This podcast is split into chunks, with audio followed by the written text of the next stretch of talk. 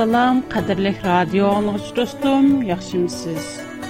İsil Soğatlar proqramımızdan sizler bilen yüz görüşkənlikdən köp xursanmın.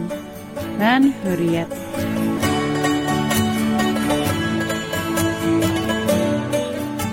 Qadirlik dostlarım, siz bəzidə kəlgüsüdən guman qılamsız. ki Allah bizni gumonga tashlab qo'ymadi isil sovg'atlar programmasi sizga ollohning so'zini tunishtirib qo'ydi siz men bilan birga bo'lgan mazgilda barliq gumonlaringizga suallaringizga javob topa olasiz bugun qadrli do'stlarim bilan allohning kalomi to'g'riliq suhbatlashmoqchi Qadirlik dostlariminin man bilan birge, Allahnin kalam üstüde astayi dil izlenip görüşini ümit qilimin.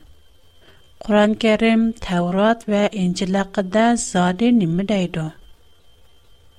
Quran Kerimni varaklap gördiqam olsak, birinci nukta Quran Kerim, Taurat ve İncilgı ishinin, ununga agi xin bu hakikat deydu.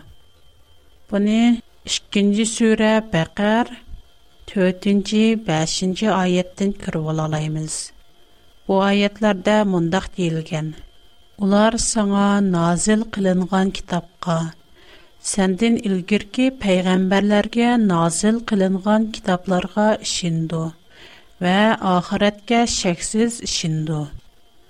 Әні шулар пәрвердігарның тоғра юлыда болғычылардыр.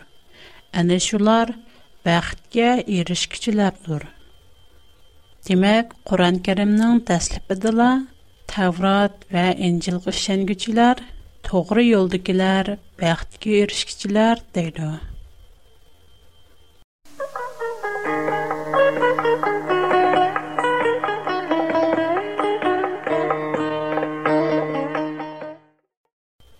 İkinci nokta Tevrat ve İncil toğra haqiqat so'zimizning dalili sifatida qur'ondagi tövandagi oyatlarni ko'rib o'tayli uchinchi sura ol imron uchinchi oyat ilgari kishilarga yo'l ko'rsatkich qilib tavrat bilan injilni nozil qilgan edi 5-ci surə Maidə 68-ci ayət. Ey Muhammed, etqin ki, Ей, әхли китаб, силар тавратға, инцилға вә силарге пәрвердігі арыңларды назыл қылынған китабға тулуқ әмәл қылмыға че, силар итибар қалғу дәк динды 47-й айад Әхли инциллар Алла инцилда nazil qılğan Allah nazil qılğan ayətlər buyincə hökm qılmağanlar fasıqlardır. Mana bu ayətlərdən Xuda insanlarga Tevrat və İncilni yol yoruq sifatida düşürgən. Tevrat və İncil işençilik. Onun buyincə hökm qılmağanlar toğri yolda emas, fasıq deyildi. Yana Muhammad mu Təvrat və İncilni hüquqluq, onlara əgişiş kirək, əməl qılış kirək deydi. Yana 4-cü surə Nisa 136-cı ayətdən biz tövəndikilərini görürüz. Ey möminlər, Allahqa, Allahның peyğəmbərə və Allah onunğa nazil qılğan kitabqa və ilgiri Allah nazil qılğan kitablarga iman keltiringlar. Kimki Allahni, Allahның peyğəmbərni, kitablarını, peyğəmbərlərini və axirət gününü inkar qıldı ikən, o qattiq ozğan buldu. Şundaq bu ayət Birovning Tavrat və İncilğa ishonganligi Құранға шәнгелгігі оқшаш, қаттық азғалық дәп бүкім шықырды. 34 cü сөрі сәбә, 30-нші айет. Капырлар, бұ Құранға вә оныңден үлгіргі кітапларға әргіз шәнмейміз дейді. Мәккеліклер манымышында Құрандың хәбардар болғандық, тәурат вә İncil'den мо хәбәрдар болған. 28. sure қасас 49. аят. Aytqın ки, Әгәр у ике китап сехирдур дигән сүзеңләрдә растчыл болдыған булсаңлар, о ике китап караганда Алла тарафыдан назил болған техмо тогра бір китап кәлдіріп бекңләр. Мен оныңға әгишәй.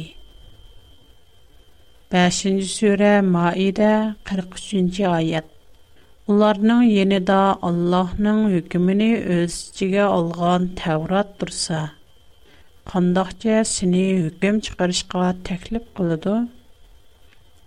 Yoxırqı ayətlərinin mənisi eni qəm o çıxdırıbdı ki, Muhəmmədnin mu təvrat və incilini yüqən onunqa Иғынчақлығанда бұл айатларының мәнісі дұнияға үріқлік вә етеклігі жіп олсын деп, мұқаддас китап, әне Тәурат вә Инчеліні әммегі қадыр, дана бір Аллах жүрген. Китапның қаиде принципларға реай қылыш вә оныңға әгішіш керек. Әгер біз бұл сөзлерге ішенмесек, Ondaqda bizning e'tiqodimiz kamchil va yoki yo'ldan bak ezib ketgan bo'lamiz.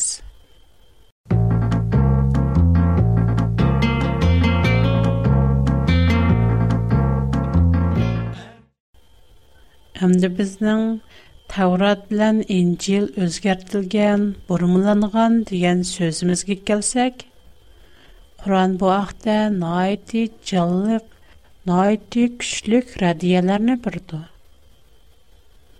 Алды белән Мәдинәдә язылган сүрләр, яни аталмыш аятларның бузылышы тугрысында тохтылып үтәле. Бу аятлар фақат бәзи бер яһудларга картылган.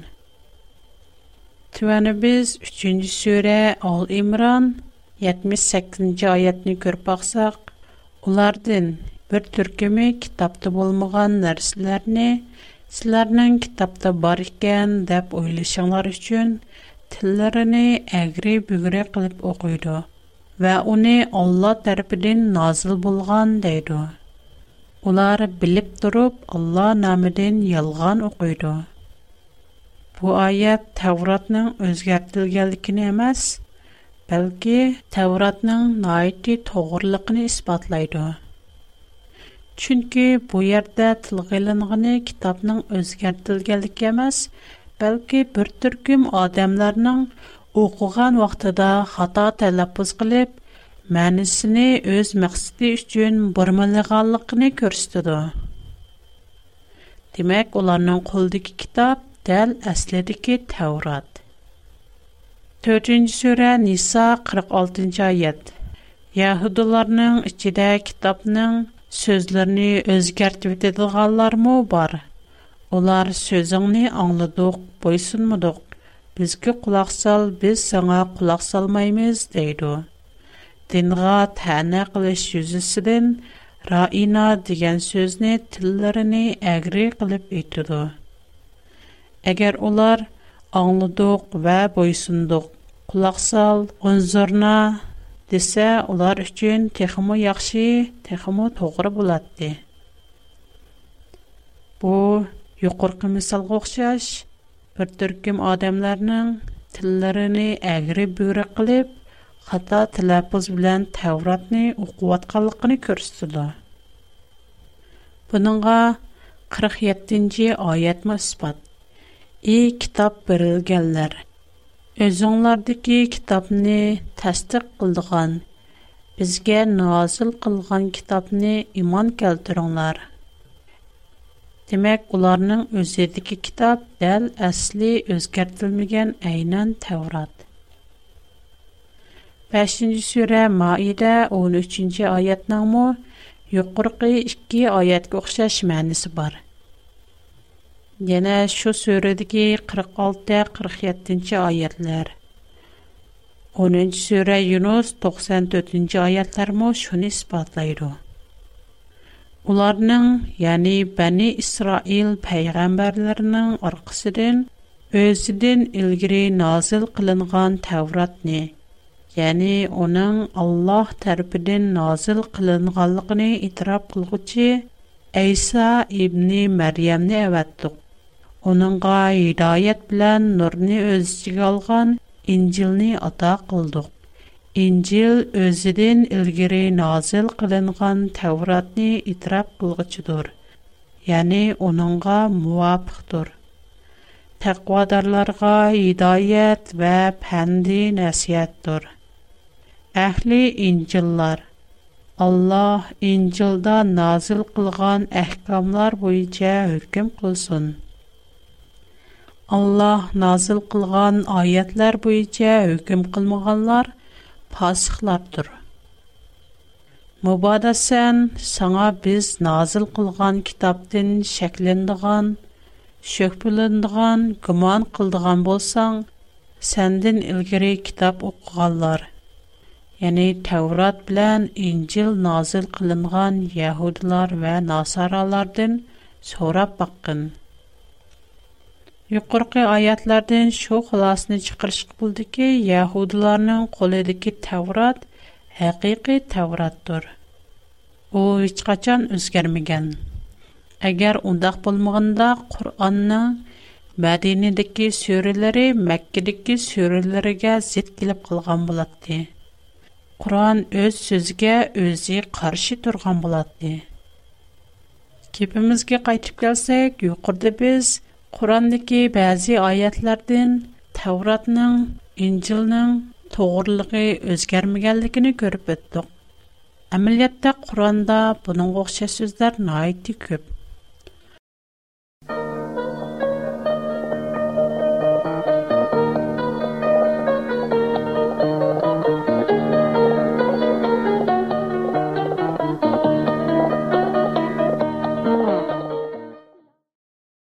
Yana qaraydigan bo'lsak, Qur'onda Allohning so'zi o'zgarmaydiganligi qayta-qayta takrorlangan.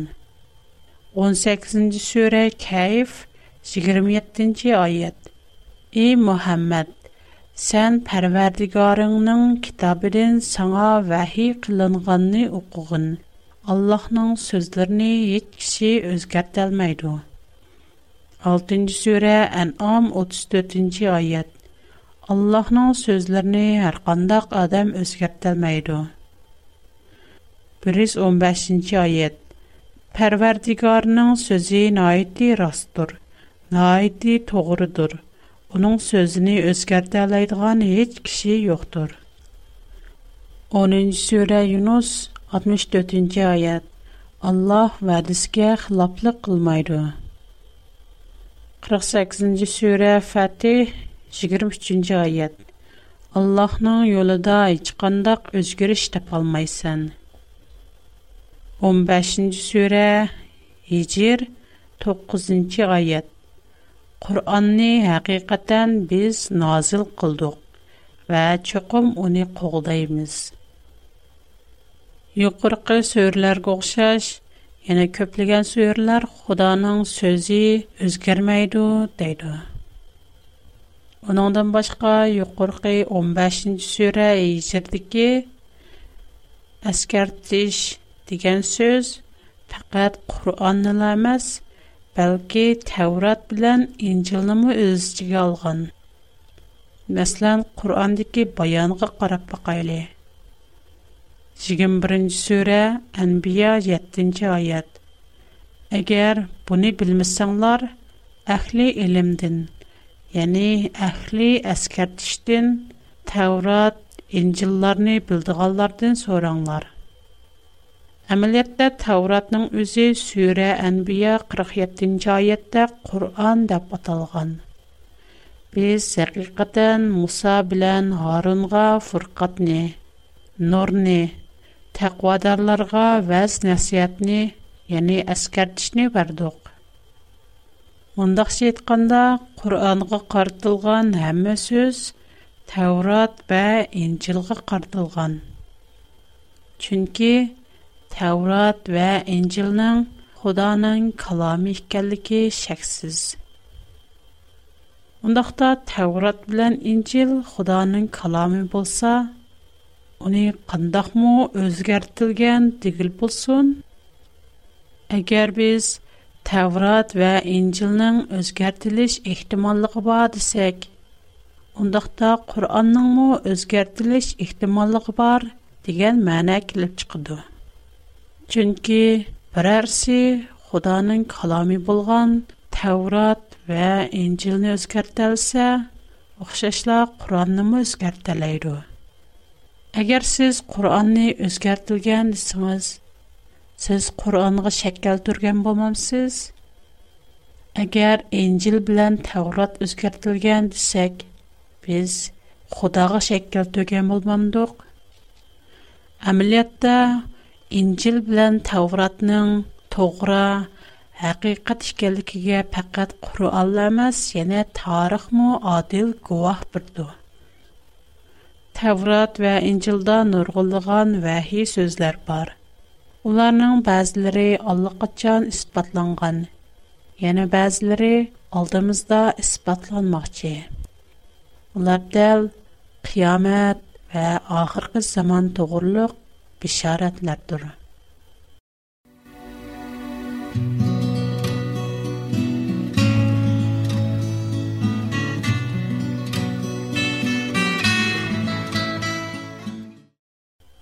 Biz hazır muşu bişaratlarının ispatlanışını kütüb durmaqdımız. 1948-ci ili Таамира қабілісінің болған Мухаммад Ал Дип Бадави үлік деңіз бойда қойбек қатқанда бір өңкірні байқыған. Әм о өңкірден бір үріш Таурат Зәбірнің өгіме кітапларыны тепіп чыққан. Уларның арасында Яшая пайғамбарның бір бүтін кітабы болып, бұл кітап әсілідә Айса Мәсіхнің тоғылышыден 700 ел үлгірі езілген. Бұл кітапларның әмісі мұқаддес кітапның тоғыра ішкәлігі вә өзгермегәлігіге тағдек гуа болып тұрды.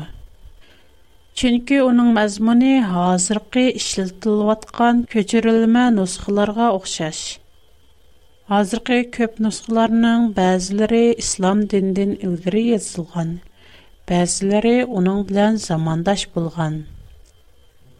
Христиан ва яһудлар эшләтеп аткан 2000-дән артык тилгә тәрҗемә кылынган хәзерге нусхаларны бу кадимки нусхалар белән селештерсәк, Улардагы оохшашлык кишини хайран калдырды.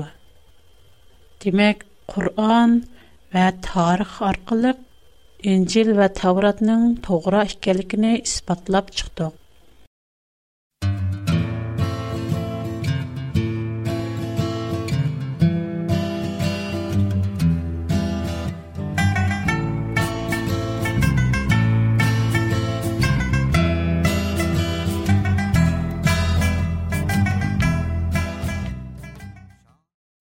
Qurandiki 3-nji nuqta Qur'an, Tawrat we Injilni hukdaydy.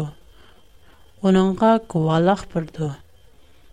Bäzide biz Tawrat we Injilniň togra haqiqat ekenligini etirap qılıp dursakmy, biraq ýene Qur'an, Injil we Tawratnyň ornyny egellimilip, ularny inowatsiz qılatgan dewalmyz. biroq buning hech qandaq asosi yo'q chunki qur'on azaldan bundoq demagan aksincha qur'onda qur'onning o'zi injil bilan tavrotni tasdiqlovchi qo'ldovchi guvohchi sifatida tushirilganligi aniq yozilgan ikkinchi sura baqar qirq birinchi oyat Mən nazil qılğan Təvratni təsdiq qılğıcı Qur'anğa iman keltiringlar. 89-cı ayət.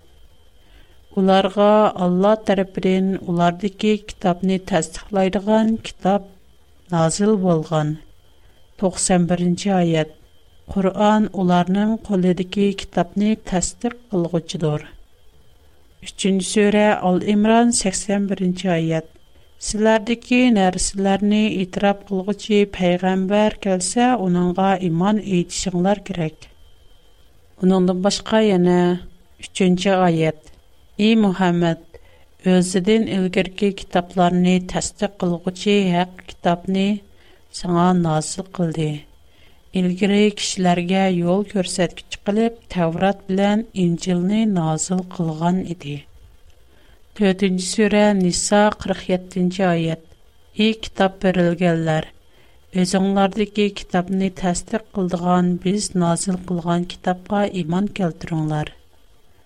10-нче сүре Юнус 38-нче аят. Bu Qur'onni birovning Allohga ixtiro qilishi aqlga sig'maydi. Lekin Qur'on ilgari kelgan kitoblarni tasdiq qilg'uchidir.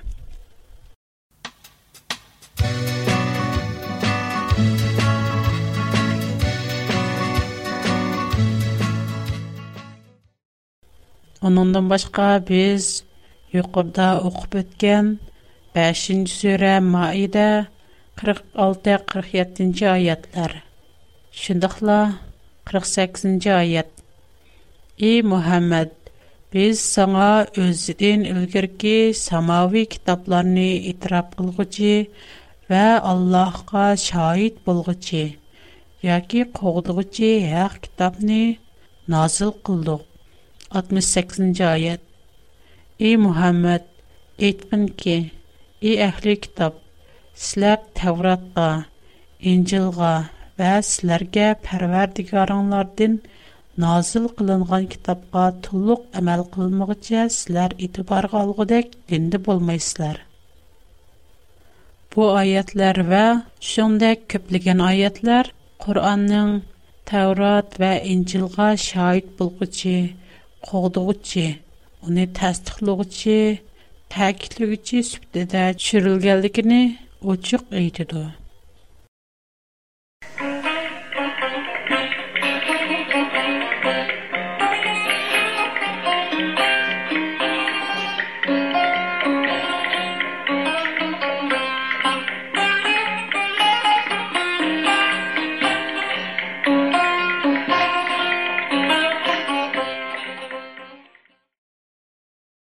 Quran hiç kaçan Injil İncil və Tevratının obnini eliş üçün kəlgəlikini eytmiğin. Onun əksicə, özünün Injil bilen Tevratını təsdiqlaş üçün, qıvallıq bürüş üçün kəlgəlikini eytqan.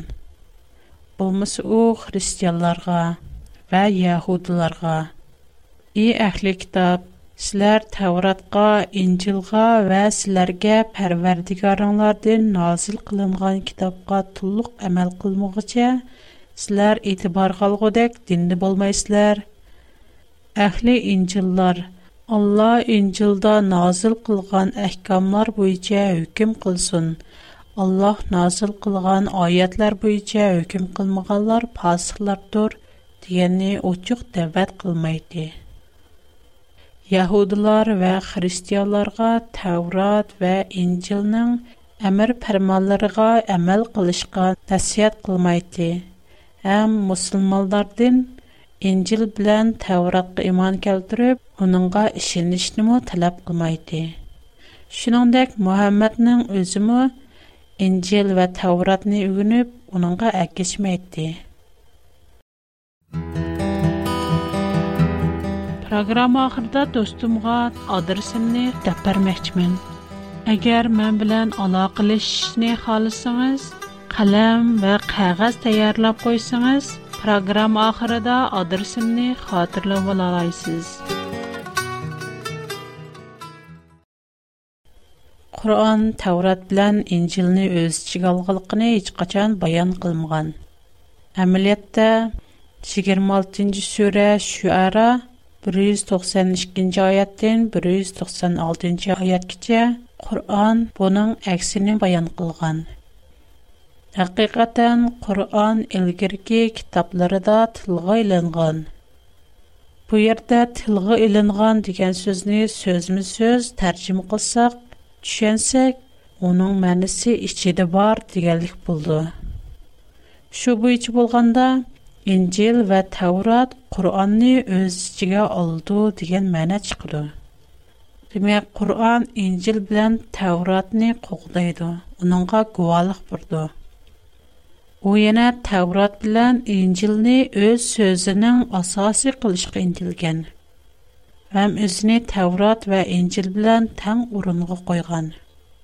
28-ci surə Qasas 49-cu ayətə qayıt qarab baxaylı. Әгәр у 2 китап сехердер дигән сүзләрдә рас җел булдыган булсаңнар, ул 2 китап карыйганда Алла Тәрбиен назл булган техимо тугра бер китап калтырып бегнләр. Мен уныңга әгәсе. 46нче сүре әхкаф 12нче аят. Кур'ан дин илгери Мусаның китабе әһли җәһаннага пешива ва рәхмәт диде. Бу араб телле təsdiq qılğıcıdır.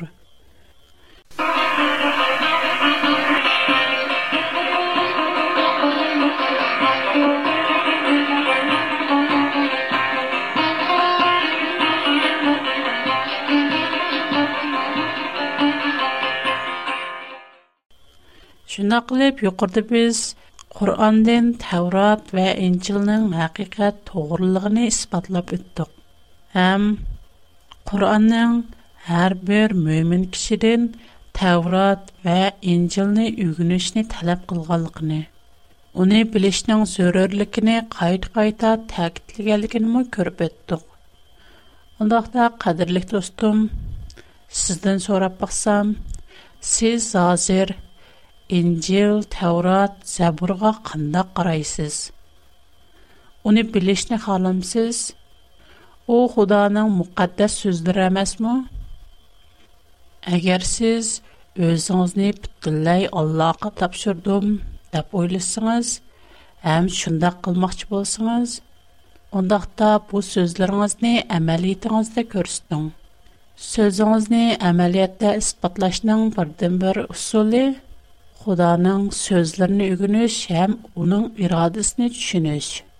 Шуңа қадірлік достым, кейін кіпәдім, біз Таврат, Инжел, Заборлардың Худаның ирадысыны көріп бақса қандақ.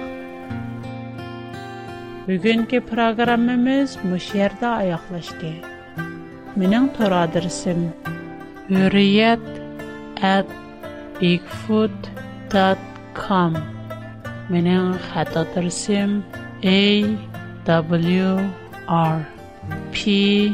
O Pax 310 Hong Kong Менің хәнзіше хатадырсым Шанган Юджин Зунджи Шешан 310 номер. Хош, Худаға манат, xushvaqt bo'linglar